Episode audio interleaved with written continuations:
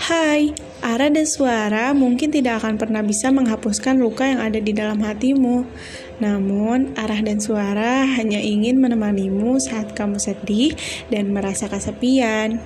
Arah dan suara hanya akan mengangkat cerita-cerita yang ringan, namun memiliki pesan atau makna yang mendalam. Mungkin tujuannya untuk mengingatkan masih banyak hal indah yang ada di dalam hidup kita. Oke, semoga suka ya. Selamat mendengarkan, enjoy.